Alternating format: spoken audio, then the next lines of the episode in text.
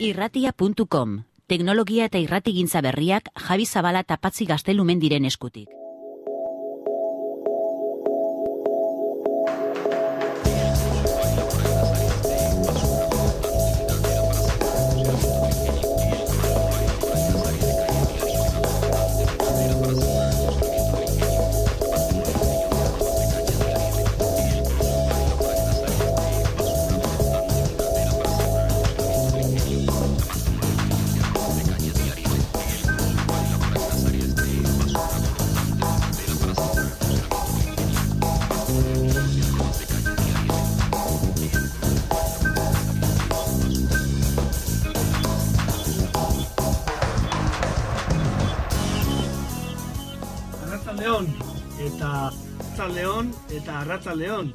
Izan ere albiste honekin gatoz gaur. Albiste onak dudarik gabe egunkaria benetan libre izango dilako zazpi urte pasatu dira auzipetuak auzirik gabe geratu dira deliturik gabe nonbait. Eta duela zazpi urtetik esan duguna frogatu ere egin dute abokatuek eta eta lortu da. Beraz Arratzaldeon egunon eta beste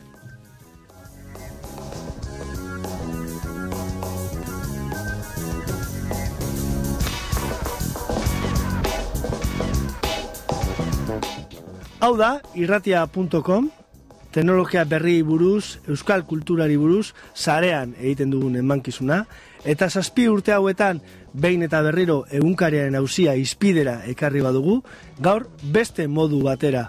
Ez dugu txampainez ospatuko, ez da gutxiago ere, baina beste modu batera landuko dugu albiste hau. Historiara pasako da egunkariaren hauzia, baina hauzi horreperak historia egin du dudarik gabe.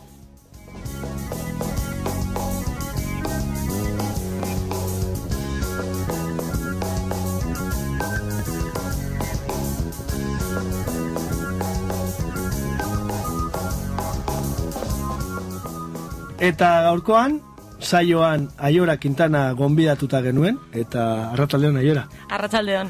Eta Javi ere bere ibilbide, ibilaldi, gaixoaldi, bidaia eta beste, hemen da berriro ere, arrataldeon Javi. Arratsaldeon. Eta gogoratuko diegu hauei ere, hau da, irratia.com.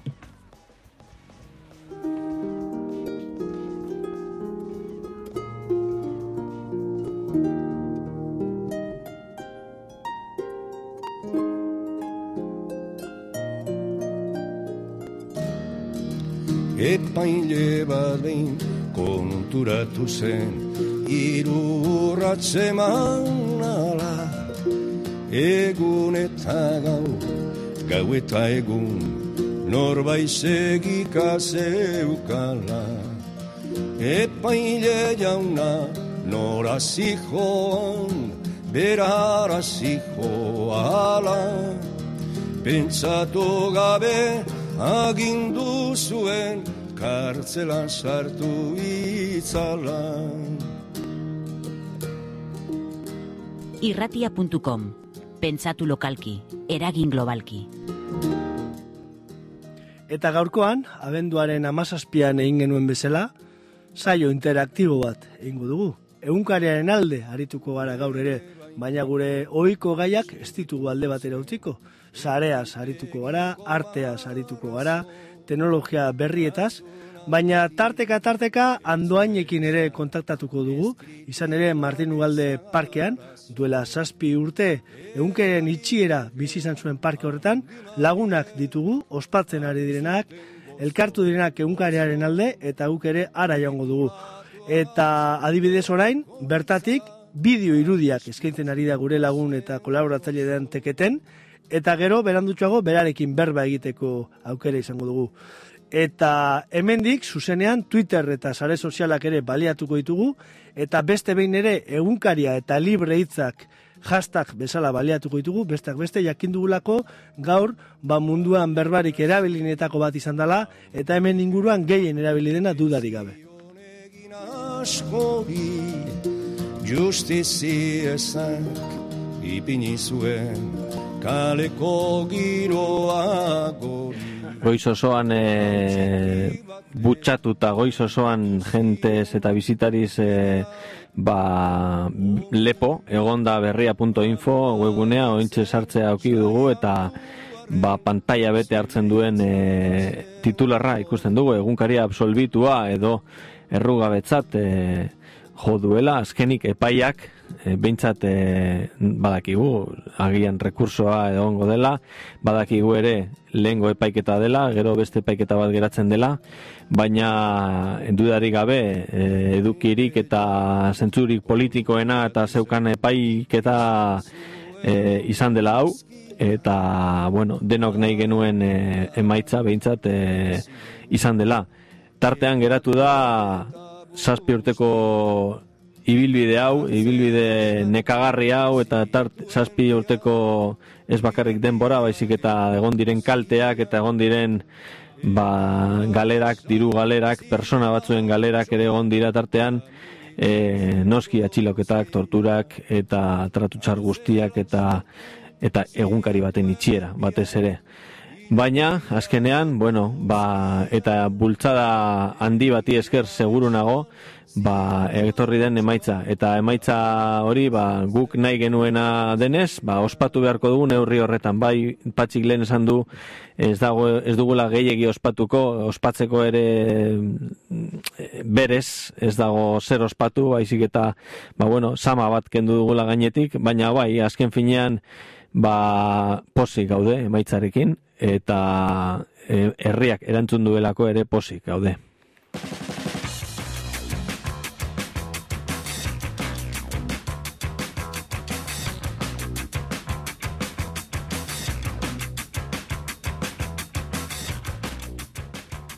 Martxelo Otamendi, egunkariako zuzendari eta gaur egun berria egunkariko zuzendari denak, esan berri du zorretan daudela jende askorekin eta jende asko izan da azken urteotan egunkarian alde hemenetan e, plazaratu dena, e, bere iritzia publiko egin duena, manifestatu dena, dirua jarri duena proiektu berritarako, eta jende guzti horren ahotza izango da ziurazki egunkaria libre ozen hori. Guk ere jende horrentzat saioa egin nahi dugu eta besteak beste gogoratuko dugu Lorea Agirrek gezurra ari du liburua plazaratu zuela eta nolabait ba gaur egun esan dezakegula udaberria loratzen hasi dela eta euriaren ostean ba badatorrela euraldi hobea.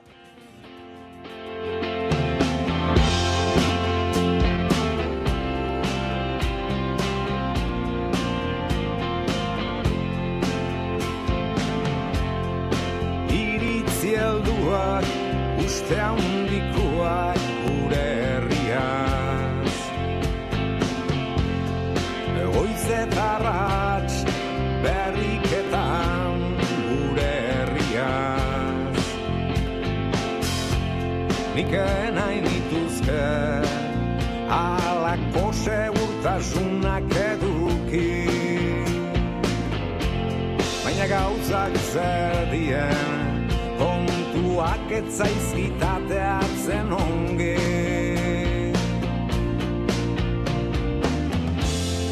Hori suertia nunaikuak dien noiena. Sasi guztien gainetikan tabiltza egan Inoketzidan esanak Euskaldun izatia zeinek ezadan Obenuela utatzia Munduko iritarri izatia Kantu leunak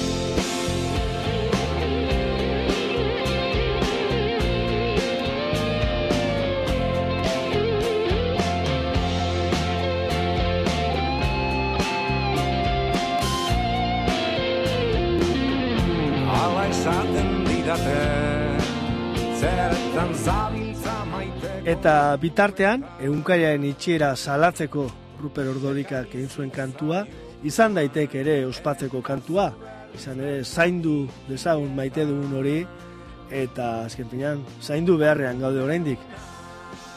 Sententzia berri honek eskaitu esertaz e, libratzen, hauzi bat kendu dugu gainetik, baina oraindik ere gure hizkuntza, gure kultura eta gure eguneroko letra horiek bideratzeko eta egunero kontsumitu izateko zer jagon eta zer zaindu ugari dago oraindik.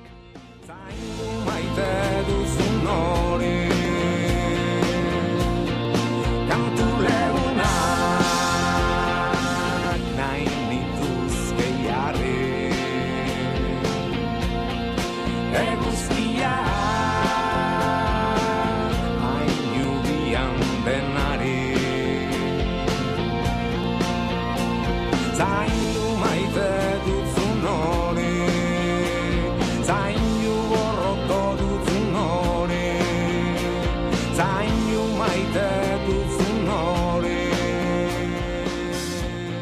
Eta Martin Ugalde parkean e, gure lagunteketen daukagu, zuzenean, e, kaixo, zer moduz? Kaixo, hementxe, Martino Galdetik. Bai, eta ze giro dago hortik e, Martin Ugalde parketik? Bueno, momentuan, oraintxe bota dugu egin dituzte auzipetuak etorri, eta hemen momentu emozionanteak izan dira, negarrak ugari, eta beno, prentxa asko etorri da, kanpoko edabide asko etorri dira, ikusi ditugu bospasei kamera ere, eta horpegi ezagun ugari, hemen badira, egun berreun inguru per, eh, pertsona, eta nahiko emozionatea izan da, ba hori, auzipetuak ikusi ditugunean, atera ziren eh, toki edo, eh, bueno, leku beretik leku berera bueltatzen dena batera eta gainera irribarre bat aurpegian. Ez dute deklarazio handeirik egin nahi izan, bat, batez ere eskerrak eman dizkiote hauzi honetan lagundu dietenei eta eta mm, ba, deklarazio ofizialak edo, bueno, e, bi herri izango direla e, adirazi dute leku berean, goizean amaikak inguruan e, deklarazio ofizial bat e, egingo dutela adirazi dute. Gaur, e, ospatzeko eguna dela esan dute. Ikusten ari gara kik.com e, barrateketen helbidean, e, hainbat bideo e, dituzu, eskegi dituzula, haurek e, oraintzukoak dira, ezta? Bai, orain txukoak, orain zuzenean botatakoak, orain dela mm, pare bat minutu, eta lehenengo hori, beraiek sartzen ari dira, eta beren familia arteko eta lagunen artean izan duten harrera erakusten duena, eta bestea bigarrena, e, deklarazioak edo hartzen saiatu naiz, ez dakit audioa ere entzut, entzuterik izango duzuen, e, zail xamarra izan da, zen hori, edabide e, asko zeuden, edabide profesional asko, eta beraiek oztopatu, oztopatzea ere ez nuen nahi, beraz, bueno, alduguna egin dugu, baina ben, behintzat hor gelitzen da, gelitu da dia, ez, hemengo testigoa baita ere, ba, egunkariko manifestazioan egon ginenok edo e, bakoitza altzuen moduan egin zuen, eta gaur ere hemen, ba, bueno, algenuen moduan ero, eman nahi genuen testigoa. Hori izan izan ere gure gaurko asmoa, irratiakon saio hau ba, bereziki egunkaria goraipatuz eta aipatuz e, astea, eta zuzeneko emankizun hori egitea hortik andoainetik, egunkaria asteko itxi zuten e, lekutik, eta abenduaren amazazpian egin genuen bezala, ba, egin egiten ari gara orain ere. Gorka, e, blogari bezala, e, egunkariako jarraitzaile bezala, zelan e, hartu zu zuk zeuk pertsonalki albistea?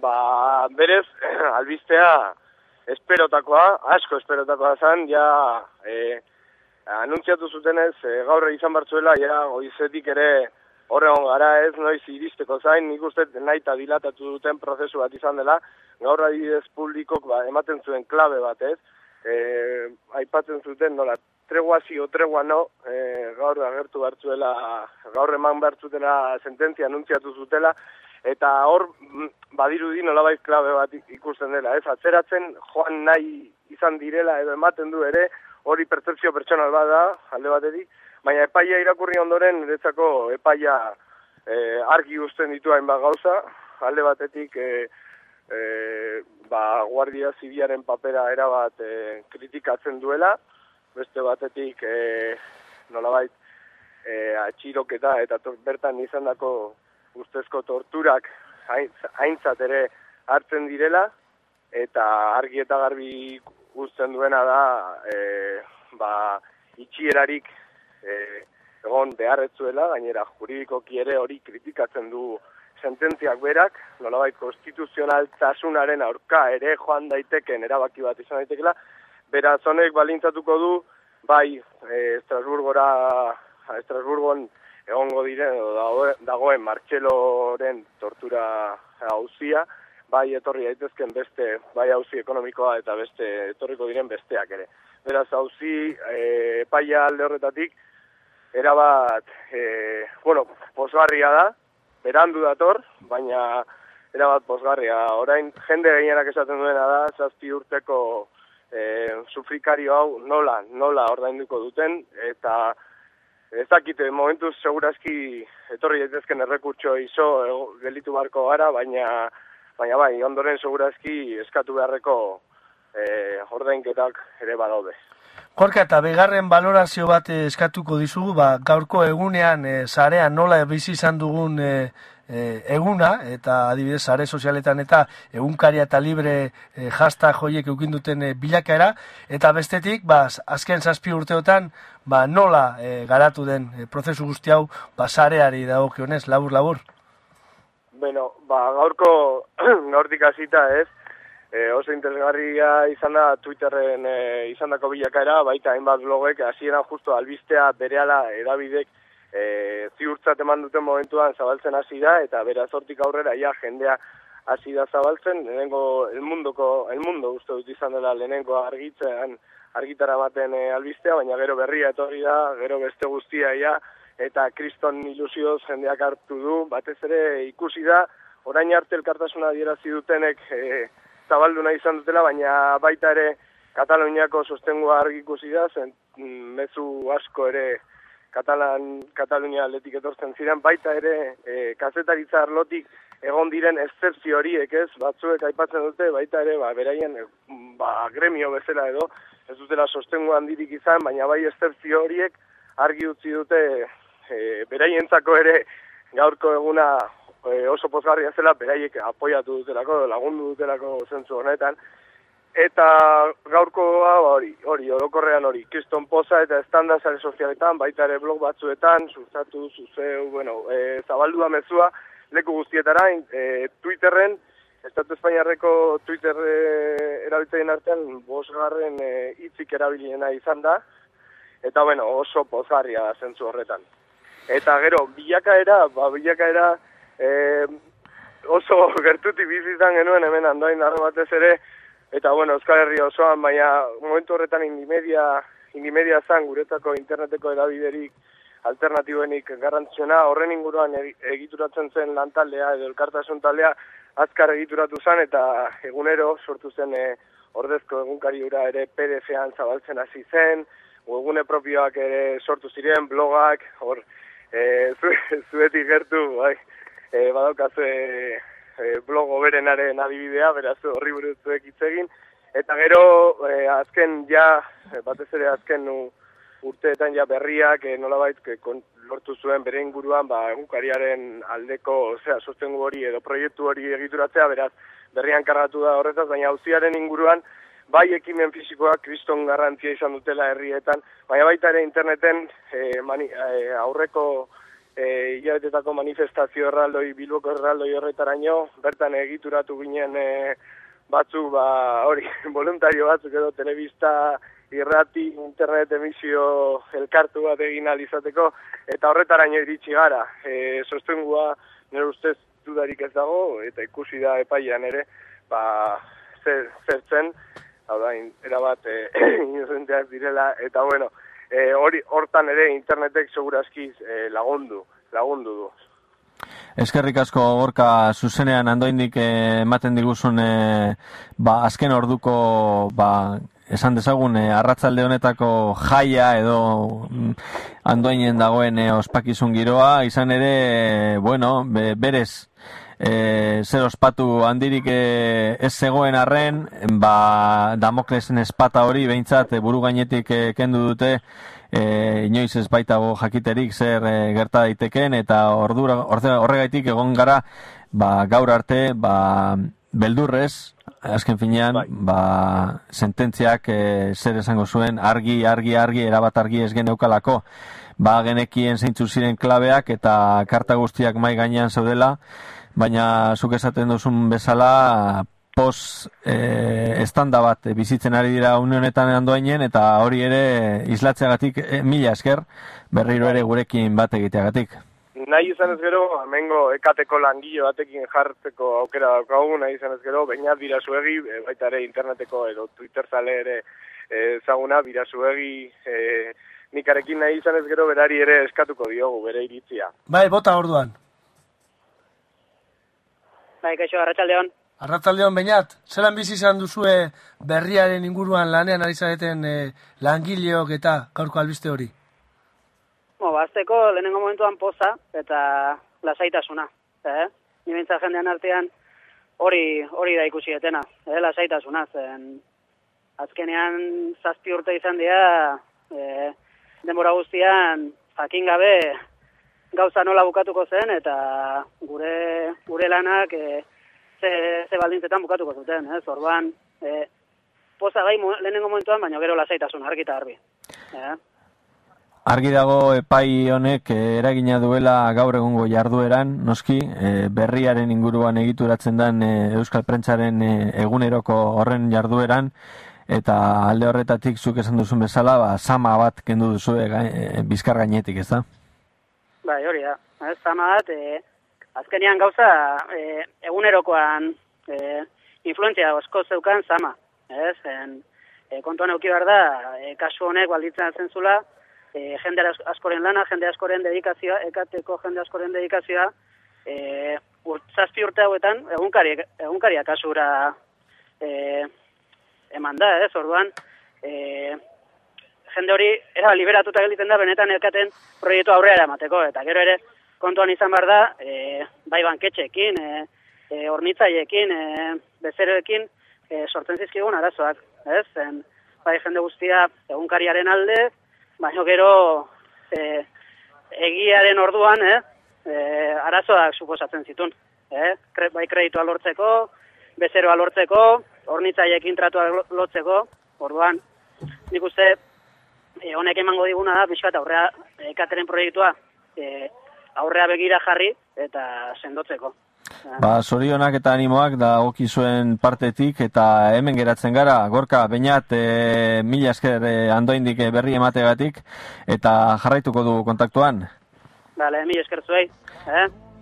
Eta bitartean e, Twitterrera begira Egunkarialibre.info webgune berezi honetatik aritu gara zuzenean. Telebista bidez, irrati bidez, mezu laburren bidez. Egunkaria info Ei. da izan ere egunkaria auziaren gune ofiziala eta hor dago hizkuntza guztietan bertako informazioa, epaiketari buruzko informazioa, Euskaldunon egunkariari buruzko informazioa eta argazkiak. Zabaldu bertako informazioa, igorri lagunei, izan ere munduan erakutzi behar dugun injustizia da hau egunkariarena. Euskaldunon egunkaria sortu zen duela urte mordo bat, eta itxi egin ziguten indarrez eta bortxaz. Orain munduak jakin beza, Euskaldunok badugula Euskarazko egunkari bat, kendu egin digutela eta beste asko sortu ditugula. Hemendik, Euskal Herritik, gure oi hartzuna entzu behar da. Egunkaria libre hau munduan zabaldu behar dugu. Horretarako egin dugu egunkarialibre.info ekimena eta ekimen honetan jende asko eta asko ari da parte hartzen voluntarioki hackerrak hor e, ari gara entzuten e, abenduaren amazazpiko irratzaio, egin genuen irratzaio berezi eta gogangarri horretako e, patxiren, e, kasu honetan patxiren hitzak e, saio hori egin genuen e, gorkarekin, besteak beste gorkarekin, e, nagorerekin, Joseba, David, Inigo eta beste hainbat hainbat lagunekin, Ibonekin, e, zuzenean e, manifestazio erraldoi horretan egin genuena. Eta gaur, epaiketaren e, berri, epaiaren berri izan dugun e, honetan, egia esan, e, Twitterrera begira jarri ezkero ikusten dugu, bataz beste, ba, minutu ero edo bi minutu ero tweet, tweet bat badagoela, egunkaria etiketarekin, eta hainbat eta hainbat e, lotura eta gogo eta ba, post e, esanguratzu eta eta interesgarri ateratzen dira. Nik nabarmendu nahi nuke Luiso Fernandez egindako lana. Egunkariari buruzko blog horretan, batez ere gaztelania egindako horretan, eta, bueno, gaurkoan egiten du ba, azterketa bat, sententziaren inguruan, epai, epai horren inguruan, eta, bueno, hainbat gako nabarmentzen ditu, sententzia horretan, epai horretan, ba, besteak beste, ba, inkonstituzionalidadea, aipatzen da, e, e, ez dala, ez dala zilegi, e, egunkari bat iztea, e, errugabetasuna, noski, e, torturaren e, zantzuak e, sinesgarriak e, direla ere aipatzen du epaiak. E, bueno, e, ez genuen espero horrelako horik eta horrelakoetan ere sartzea epaia, baina ere, egia esan epaiak argi eta garbi uzten ditu ba, bertan bera e, akusazioaren e, argudioak. Eta are eta urrunago heltzen da eta argi utzi nahi du epaiak edo utzi nahi omen du, ba, bueno, ba, ez dala bidezkoa izan prozesu osoa eta desmarkatu egiten da erabat e, prozesutik. Hori aztertuko dugu, badakigu, ba, e, badaudela inbeste interpretazio zazpi urte pasatu dira eta tartean hainbeste aldaketa, gobernu aldaketa eta egon dire, eta hor, e, segurazki horren interpretazioetan ere sartuko dela, ba, ba fiskaltzaren rola, zein esan den nola aldatu den denbora honetan, e, ez ordea akusazio partikular hoiena, baina hoiena nola baite, bueno, aurrikusia zegoela, eta onaino, ba, eldu dela, ba, errekursoak gora bera, ba, bide penal, hau ez da irratia.com. Pentsatu lokalki, eragin globalki.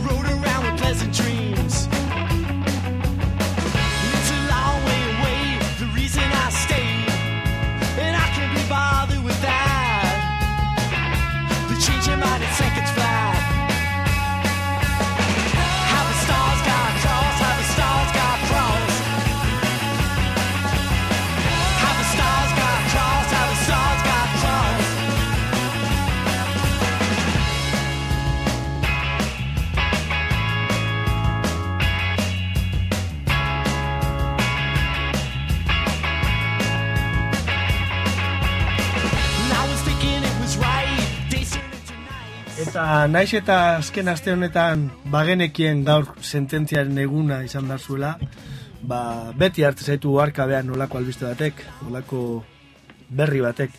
Guk hala ere bagenuen hitzartua gaurko elkarrizketa bat, gonbidatu bat, eta gurera etorri da aioraketan, arratalde hona aiora. Arratsaldeon, Albiste hona, ez da? bai benetan.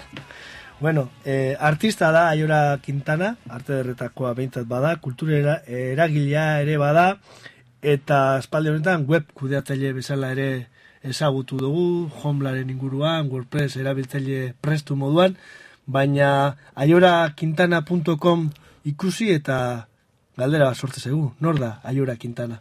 Bueno, ba, bertan ikusi dezakezue, e, niri gustatzen zaizkidan gaien inguruko e, testuak eta bideoak eta igotzen ditut, eta bueno, e, baita ere nire e, aurkezpen txiki bat daukat bideo bezala, aspaldi egin nuen lan eskaintza baterako, ez dinduten hartu lan horretan, baina bueno, gustatu zitzaidan bideoa eta hortxe duzue.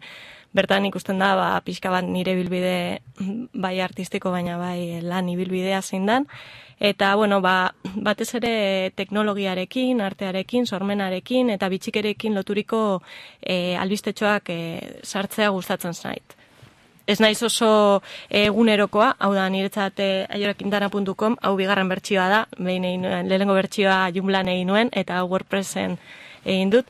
Ba, baina, bueno, e, bai saiatzen naiz astean behin edo bi asterik behin behintzat e, bizitatu dudan erakusketaren bat, edo interesatu zaidan webguneren bat, edo aipatzea, ez? Eta era berean bertan ditut, ba, nire gogoko e, ba, bai webguneak eta baita blogak ere, eta, bueno, e, saiatzen naiz behintzat, e, nire munduarekiko ikuspegia bentsat ematean, bertan. Komunikazioa berez, e, sus, e, txertatzen duzu sorkuntzarekin, ez da? Zuri ere interesatzen zaizu sorkuntzaz gain hori ere komunikatzea.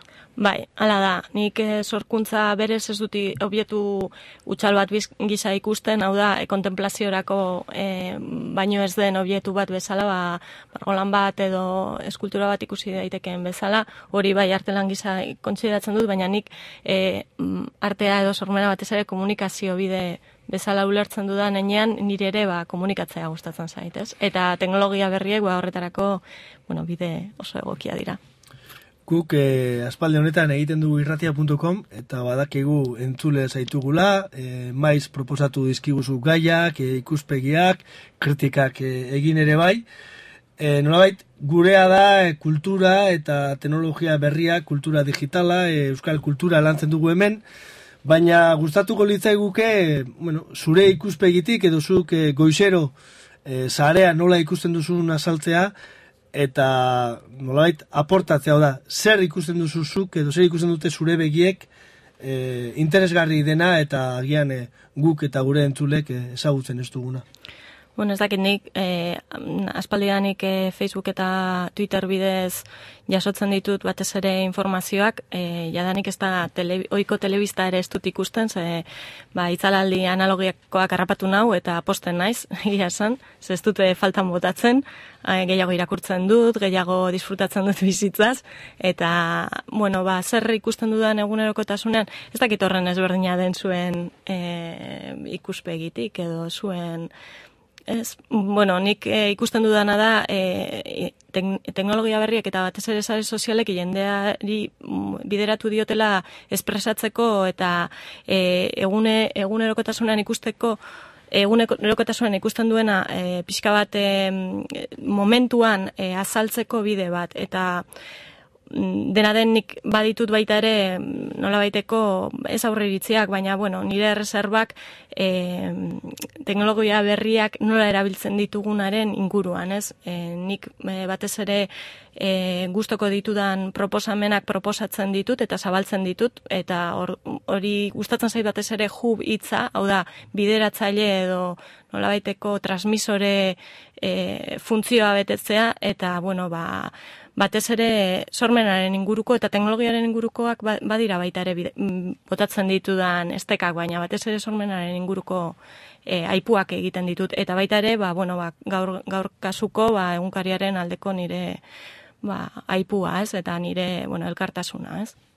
Sarea it, elkarrizketa da, eta zentzu horretan ere zuk aipatu duzun hub edo funtzio edo joera hori, horrez e, horrekin lotuta ere badagolako galbae edo norbe, blogek egiten dutena, ez? Egin izan dutena baita ere egiten dut e, Twitterrek, baita egiten du ba, edozein aipamen egiten duzuna internetek, interneten, eta gero aipatzen du, lehen aipatu duzun bezala bakoitzak baitu gure navigazio ezberdinak, gure navigazio ohitura ezberdinak, ezta? Ere norberarenak ezberdinak dira beti, baina norberarenak ere denborarekin aldatzen doaz, ezta foko ezberdinetara hurbiltzen gara, ez? Edo joera ezberdinak ikusten ditugu, ezta? Bai, ba, bueno, ni nor, ba, artearen inguruan batez ere mugitzen, mugitu izan naiz orain arte eta egia zan bai nire lotura gehienak horren mundu horren ingurukoak dira, baina e, egia da Twitter bidez ba jaso ditu dela edo em, aportazio berriak eta baita ere e, bildu ditu dela bestelako, bueno, e, ez dakit ba, ekarpen ezberdinak eta e, lehen interesatzen ez, ez zitzaizkidan e, ba, aldeak edo kanpoak edo baita ere ba, e, orain oza, oso, inter, oso interesatuta nago beraietan, ez? Eta adibidez zein da egunero bisitatu edo e, ikusten edo jarraitzen duzun e, webgune bat guri interesatu Badago bat Cooking Ideas deitzen dena, e, ba, nahiko sarri e, bizitatzen dudana, ba, oso bitxikeriak baditu, baina baita ere interesatzen zaizkidan e, zer, e, bueno, ba, ipuak daude, eta ia egunero berritzen dute blog bat da, Cooking Ideas, deitzen da. Ideiak sukaldatzen. Bai, hori da. Eta bertan ibiltzen dira ideiak sukaldatzen. Bai. Ideiak sukaldatzen e, saiatzen gara gu bere, astero, behintzat e, jendeari proposamenak helarazten. Cooking Ideas e, aipatu digu aiorak, eta Cooking Ideas hori bizitatuko dugu musika entzun bitartean.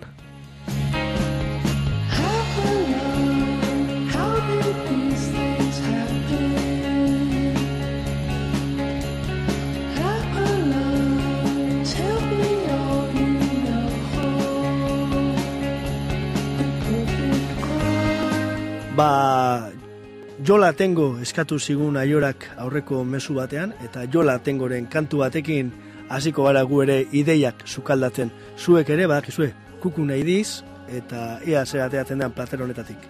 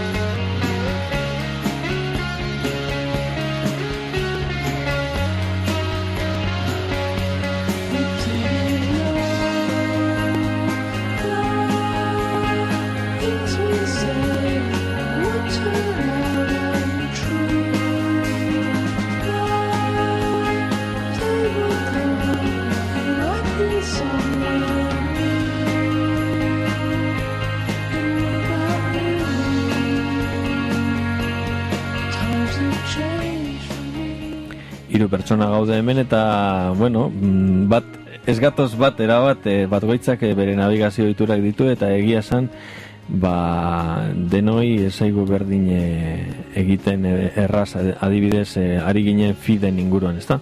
Fide edo jarioen inguruan eh, zuri, bueno, be, zuk jarraitzen dituzu feed batzuk, niri egia esan eh, eta patxik eh, hori ere aipatu du e, berak ez duela fidik e, gehiegi jarraitzen, e, garai batean alesti eta horren a, biltzaile baten edo horren bidez e, jarraitzen zuela, baina gaur egun e, bere jarraipena edo navigazio jarraipena gehien bat Twitter eta Facebook bidez egiten du. Nik neuke egia esan, e, inoiz ez dut egin erabilera intenso bat olan feed edo jarioena, eta bloglines e, inoiz erabili badut ere, ba, ba gaur egun aitortzen dut ez dudala jarraitzen e, bloglineseko kontua, bloglinesen bildutan dituenak, e, oiturak e, dira, baina baita ere ba, markatuak ez da, edo eraginak, e, ba, errestasunak edo errestasun faltak eraginak, edo ez dakit, e, hor ez dakit ze iritzi daukazuen zuek, baina bakoitzak badauka bere bere ibilbidea edo bere badauzka bere joerak eta nik egia esan ba ez du gehiegi jarraitzen gaur egun e, hola feed feed sorta bat edo feed agregatzaile bat edo egiten zait pizkat e, zaila ba hori mm, jarraitzea ze prozeso, prozesatzea bat eskatzen du, ez da lan bat ere eskatzen du zaintzea, ez da lorategi bat zaintzen den bezala, ba jarioak edo arpietuta gauden e, jarioiek zaintze, zaindu behar dira, ez da, eta noizean behin ere garbitu egin behar dira, eta eta informazio infoxikazio honen e, e, erdian ba azken finean interneten e, behar ditugulako ba liseriketa egingo diguten beste batzuk beste batzuen e, aukeraketak ere jarraitzeko ba gaur egun errestasun gehiago ematen du Twitterrek e, agian ez dakit eh? Zuk zer dinozu patxi? Zer uste duzu horren inguruan? Baiet, ez bai, nik eh, alestiren aipatu dizuet lehen, ez? E, arestian. E, egia da, nola alestin nituenak, e, nolabait, e, gustoko zirenak edo eta gertukoa zirena ziren, hoien jarioa, e, gehienek automatizatuta daukate iaia Twitterrera. eta jende horrek, Twitterren jarraiten duan jende horrek, e, egiten du goizean aipamen bat, lotura bat, Twitterren espadu egiten e, Facebookeko horman jartzen du, eta alde horretatik, eta sare sozialetan ba ikusten da, eta lotura labur bidez eta ba asko errestu da, ba navegaziorako proposamenak. Egia da, egunean zehar, e, amaika mila proposamen ezberdin jasotzen ditugula, gero hortik batzuk dituzu gustukoago, beste batzuk ez horren beste, baina berdina gertatzen zaigu liburutegi batean edo kioskoan edo egunkarean firmekin, ez, zutabeak eta beste. Egia da, e, infosikaziorako arrisku hori badugula, baina aukera izatea e, hautatzeko hori hori zoragarria da, ez? Eta edonork gomendio bat egin eta hola, behiratu azkar batean eta itxurarekin ja badakizu blog horrek esango duena gustatuko zaizun edo ez. Ei, aitortzen dut, e, erantzunen arian gerota gutxiago erakartzen hauela, gerota gutxiago e, eta oraindik ere erantzunak usten ditut batean eta bestean, baina sareko eztabaidak en nau, en nau erakartzen, ez dakit zu nola bizi duzun hori aiora. Bueno, nik ohitura finkoak ditut goizetan eta e, Google Readerra erabiltzen dut e, feedak eta e, bekain begiratzeko goiti bera baditut orain bat eta lehengo 10 minutuetan, bueno, goizean hori egiten dut ohitura bezala. Batez ere, bueno, e, eguneratzeko eguneko, bueno, albisteak, e, proposamenak, interesatzen zaizkidan blog eta webguneak eta ohitura gisa hartu dut egunero egitea. Eta kasu batzuetan parte hartzen dut, interesatzen bazait, baina beste batzuetan ez e, egunaren arabera. Egia da, nik e, Twitter edo Facebook bidez gehiago erantzuten dudala e, blogetan bertan baino. Baina gaia interesatu eskero eta pixka bat, ba, bueno, ba, e, nire ikuspegia eman nahi badut eta uste badut horrek zerbait aportatuko duela, ba, aurrera, ez? Eta, bueno, bai, baita, baita ere bertan parte hartzen dut, blogetan bertan, bai. Eta kasu honetan badago bereizterik e, zure eremuan adibidez, zer den artea, zer den lana, zer den saletasuna, zer den e, formazioa, zer den informazioa, badago hor e, bereizten duen gunerik? Nik esango nuke ezetz. E, sormenaren inguruan lanean diardugun e, ekintzaile, artista, e, sortzaile, kudeatzaile eta bestelakok, nik uste dut hogeita labordu ziaia lan egiten dugula eta ez dagoela horren beste ordutegi finko bat lan egiteko, ba, beste lan batzuetan bezala, ba, sor- sortzi orduko lan orduak dira ohikoak, e, gure kasuan ez, eta orduan e, edozein momentutan sarearen bidez eta sarean bertan e, plazaratzen dira hainbat informazio. Ez dago hor e, inolako e, ordutegin. Nik uste dudala kaos bat. Kaos, e, zentzuzko kaos bat, hau da, ez duzula zertan e, informazioa eman behar e, goizeko bederatzietan edo e, arratsaldeko lauetan e, zure ordutegia hori delako, baizik eta benetan e, komenigarria duzunean da komenigarria ikusten duzunean, ez? Azkenean, e, ikuste dut mugatuena gu garela, gure, gu gizaki bezala, gure burmuinak ez du gehiagorik ematen momentu batean infoxikazio e, testu inguru horretan, e, naiz eta eun iturri e, aukeratu eta beste guztiak baztertu, hoiekin ere nahiko lan eukitzen dugula, eta, eta gaiak eta, eta iturriak baztertu arren, ba azkenean e, muga edo topea hor gure buruaren gain topatzen dugula, azken finean e, infosikazio horretan e, ba, Twitterkada edo, edo, edo tweet edo bat jasotzen dugula minuturo, eta ezinezkoa zaigula minutu horretan, ba, ba blog post edo irakurtaldi, irakurketa ba, guztiak, albiste guztiak e, jasotzea, eta gainera, mm, ba, noski denetan e, erantzun beharko bagenu, eta gainera eztabaida eztabaida batean kateatu beharko bagina, pues ezinezkoa genukela, ezinezkoa Eta dugu. agian horregatik da interesgarri, ba, Twitterrek e, sortuta bultzatu duen e, modu berri hori, ez, hau da, labur idazteena, baina nik uste berean ere, e, sormena lantzen dela, nahi, e, esan nahi baduzu, ba, hitzak aldatituzu, komak neurtu, azken finean, e, eunda berrogei karakter dira, eta saiatzen zara hor e, begiratzen. Baina nire galdera gehiago zan, aiora, e, sorkuntzaren aldetik.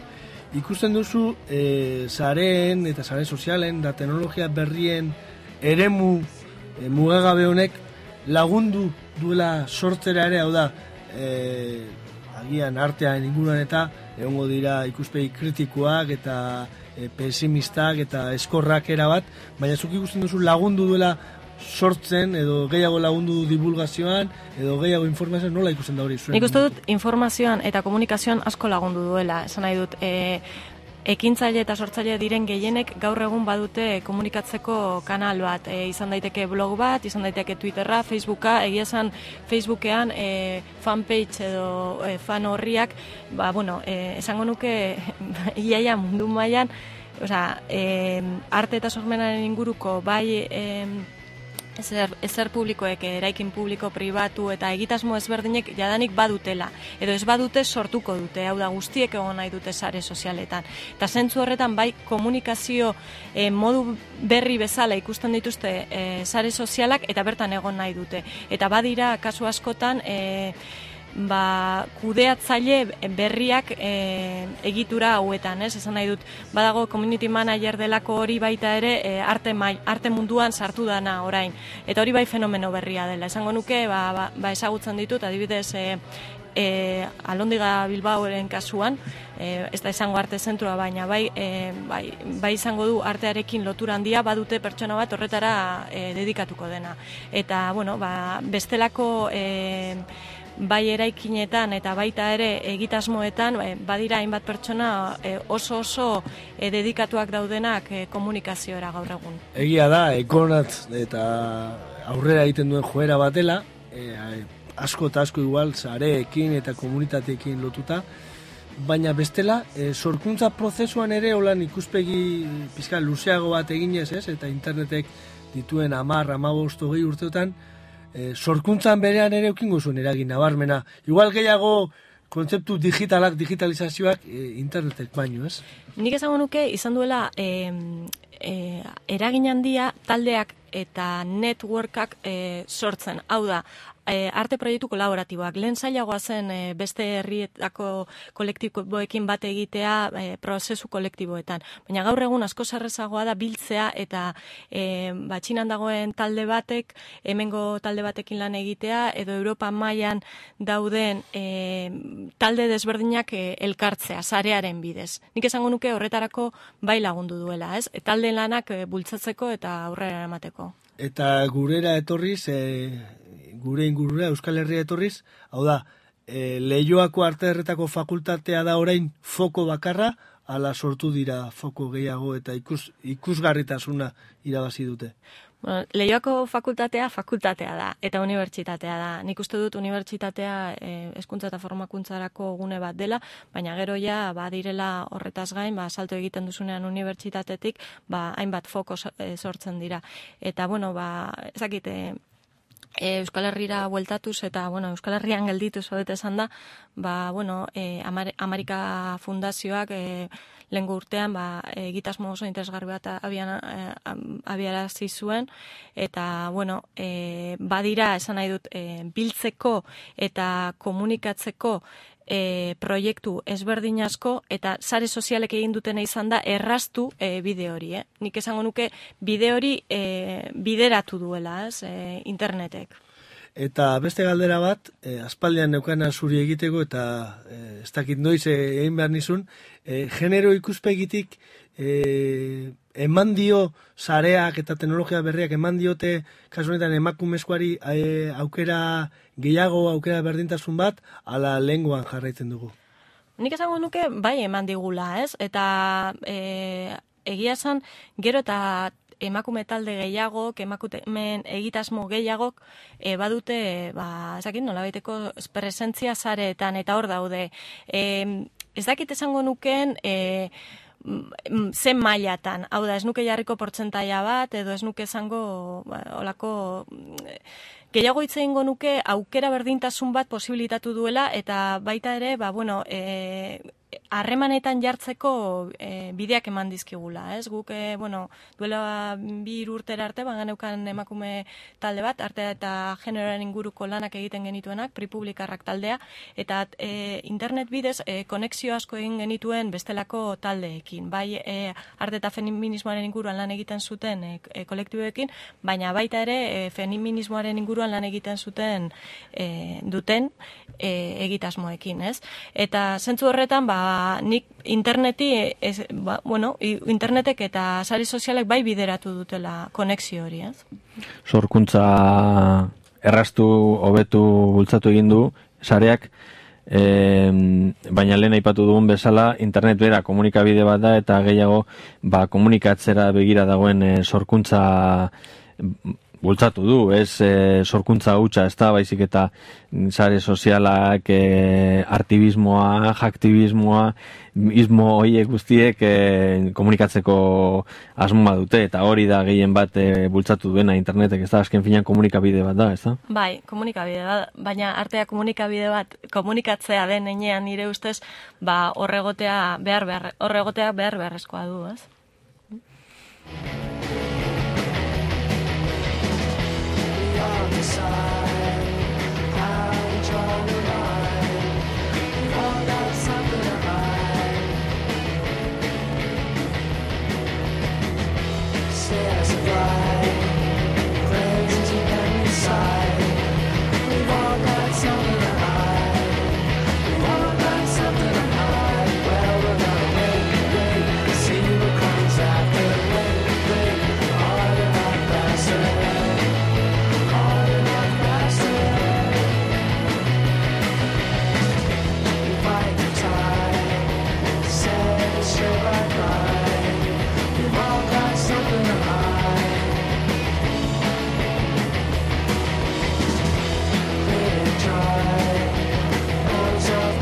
side.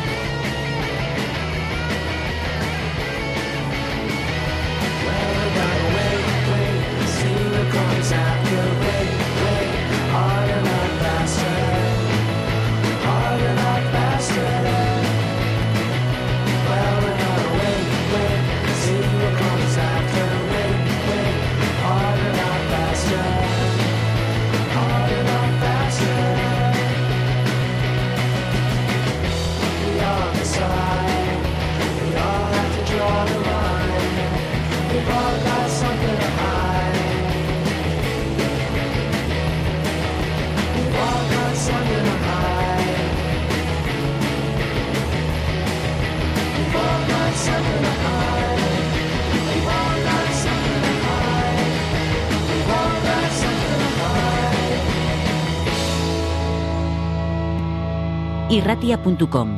Pentsatu lokalki, eragin globalki. Azeo, Eta musikarekin jarraitzen dugu, jola tengo entzuten jarraitu dugu, baina doinu biziagoak ere entzungo ditugu tartean. Eta aurrera begira jora, zer egin behar duzu, zertan ari zara, zer daukazu esku artean edo, zer egin nahiko zenuke. Bueno, lehenengo eta behin zoriontzu izan. Hori da nire egitekoa. Zoriontzu izan punto net. eh, bai. Edo punto RG. Eta ez dakit. punto. Eta punto. errezeta zehatzik edo dakozu horretako edo pasa, eh? Bueno, hori egunero, egunero, eh, platertxoren baten, bueno, prestatzen dute zoriontzu izateko, ez? Ez dago errezeta zehatzik. Baina, bueno, e, nire egiteko zoriontzu izateko desio horretan, ba, bueno, e, oraintxe bertan proiektu batean nago nahiko buru belarri e, Izuri elkartearekin. Izuri elkartea ba, Oskia Albarezek eta nik e, aurrera daramagun egitasmo bada eta bueno, e, batez ere arte hezkuntza eta parte hartze sozialean oinarrituriko egitasmoak aurrera atera nahi ditugu eta bueno, horretan dihardugu. Webgunea ere baduzu, eh?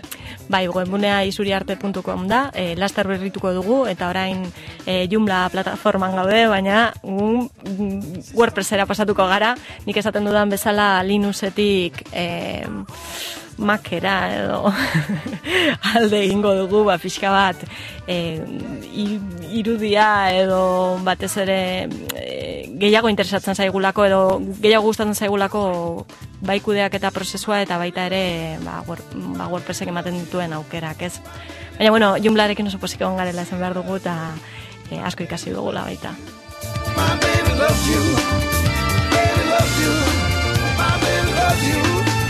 E, ikusten duguna da, e, arteaz, komunikazioaz, e, hizkuntzaz, e, eta kodeaz ere, jakin behar dela gaur egun zeo zer egin nahi izateko. Zelan dara mazue guzti hori?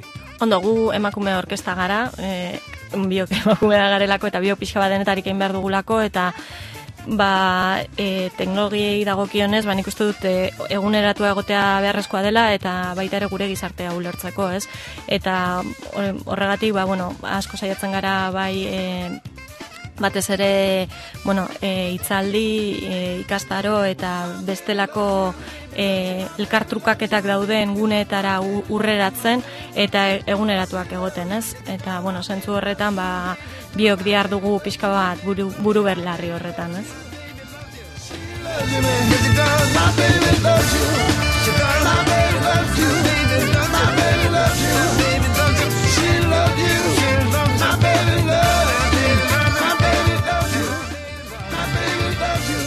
Ba, placer bat izan da, zurekin egotea, gogoratuko du, isuri arte dela, I-S-U-R-I-A-R-T-E.com Eta, bueno, laster, esan duzun bezala, altuko zarete Joomlatik e, WordPressera, WordPressetik Joomlara ere batzuk e, egin du jauzi, edo egiten du jauzi batzutan, hor mugitzen da gara. WordPress, e, Joomla, azken finean komunikatzea eta zer esaten duzun eta nola jasten duzun ere importanteena da. Eta, ba, ge, esan dugun bezala, ba, placer bat izan dela eta urrengo batean ere zurekin kontatzea espero dugu. Ah, eskerrik asko zuei.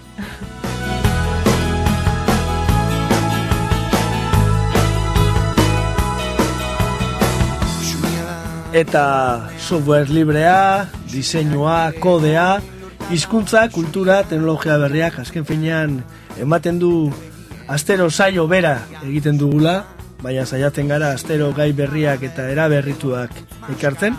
Gaurkoan aiora e, Quintana gonbidatu dugu, e, albiste on hori geneukan aurretik, e, egunkariaren, hauziaren albistea, eta orain, ba, horrekin uste zaituztegu, podcast berezi hau entzun, zabaldu, eta aurrengo astetan e, gai gehiago eta lagun gehiago gonbidatuko baititugu irratia.com saio emankizun honetara.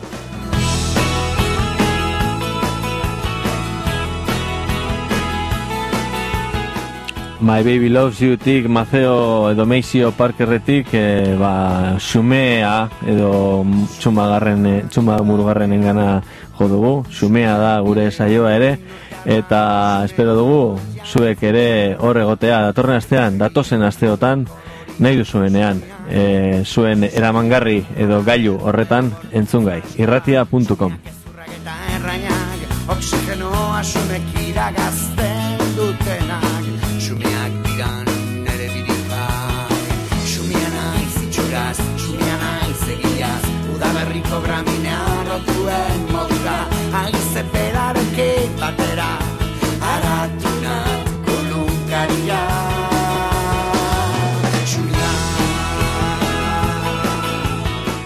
irratia.com Teknologia eta irratigintza berriak Javi Zabala eta Patzi Gaztelumen diren eskutik.